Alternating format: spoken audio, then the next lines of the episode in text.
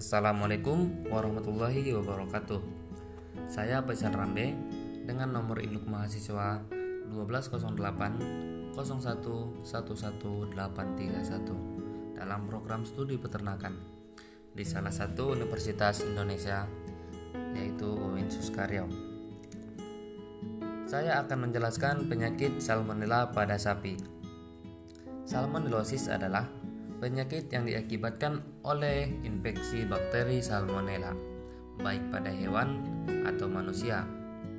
Salmonellosis ini bersifat zoonosis, artinya dapat menular dari hewan ke manusia. Utamanya penyakit ini menyerang sistem pencernaan pada hewan yang mengakibatkan gangguan pada pencernaan, disebut juga dengan gastroenteritis. Spesies yang rentan terhadap salmonella pada ruminansia yaitu sapi, kambing, domba, dan kerbau.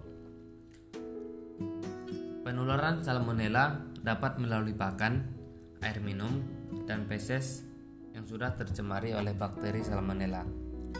Gejala penyakit ini yang umum pada ternak ruminansia yaitu lesu, tidak banyak bergerak dan lebih sering berbaring di lantai kandang. Suhu tubuh tinggi berkisar 40 sampai 41 derajat Celcius diare dan kotoran baunya menyengat, napas cepat dan terengah-engah, nafsu makan menurun, dan lebih sering minum. Pada sapi yang bunting, ini salmonella dapat terjadi abortus. Kematian dapat terjadi 3-4 hari setelah menderita salmonella atau dapat sembuh dengan sendirinya setelah beberapa minggu atau hingga atau bulan. Ternak ruminansia yang telah terserang bakteri salmonella harus segera dipisahkan dengan ternak yang sehat atau diisolasi.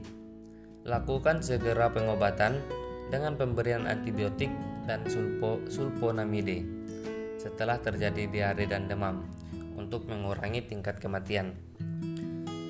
Pola pemeliharaannya dengan meletakkan ternak pada kandang yang tertutup, selalu menjaga kebersihan kandang, desinfeksi, penyediaan air yang bersih, dan juga sterilisasi bahan makanan ternak perlu dilakukan.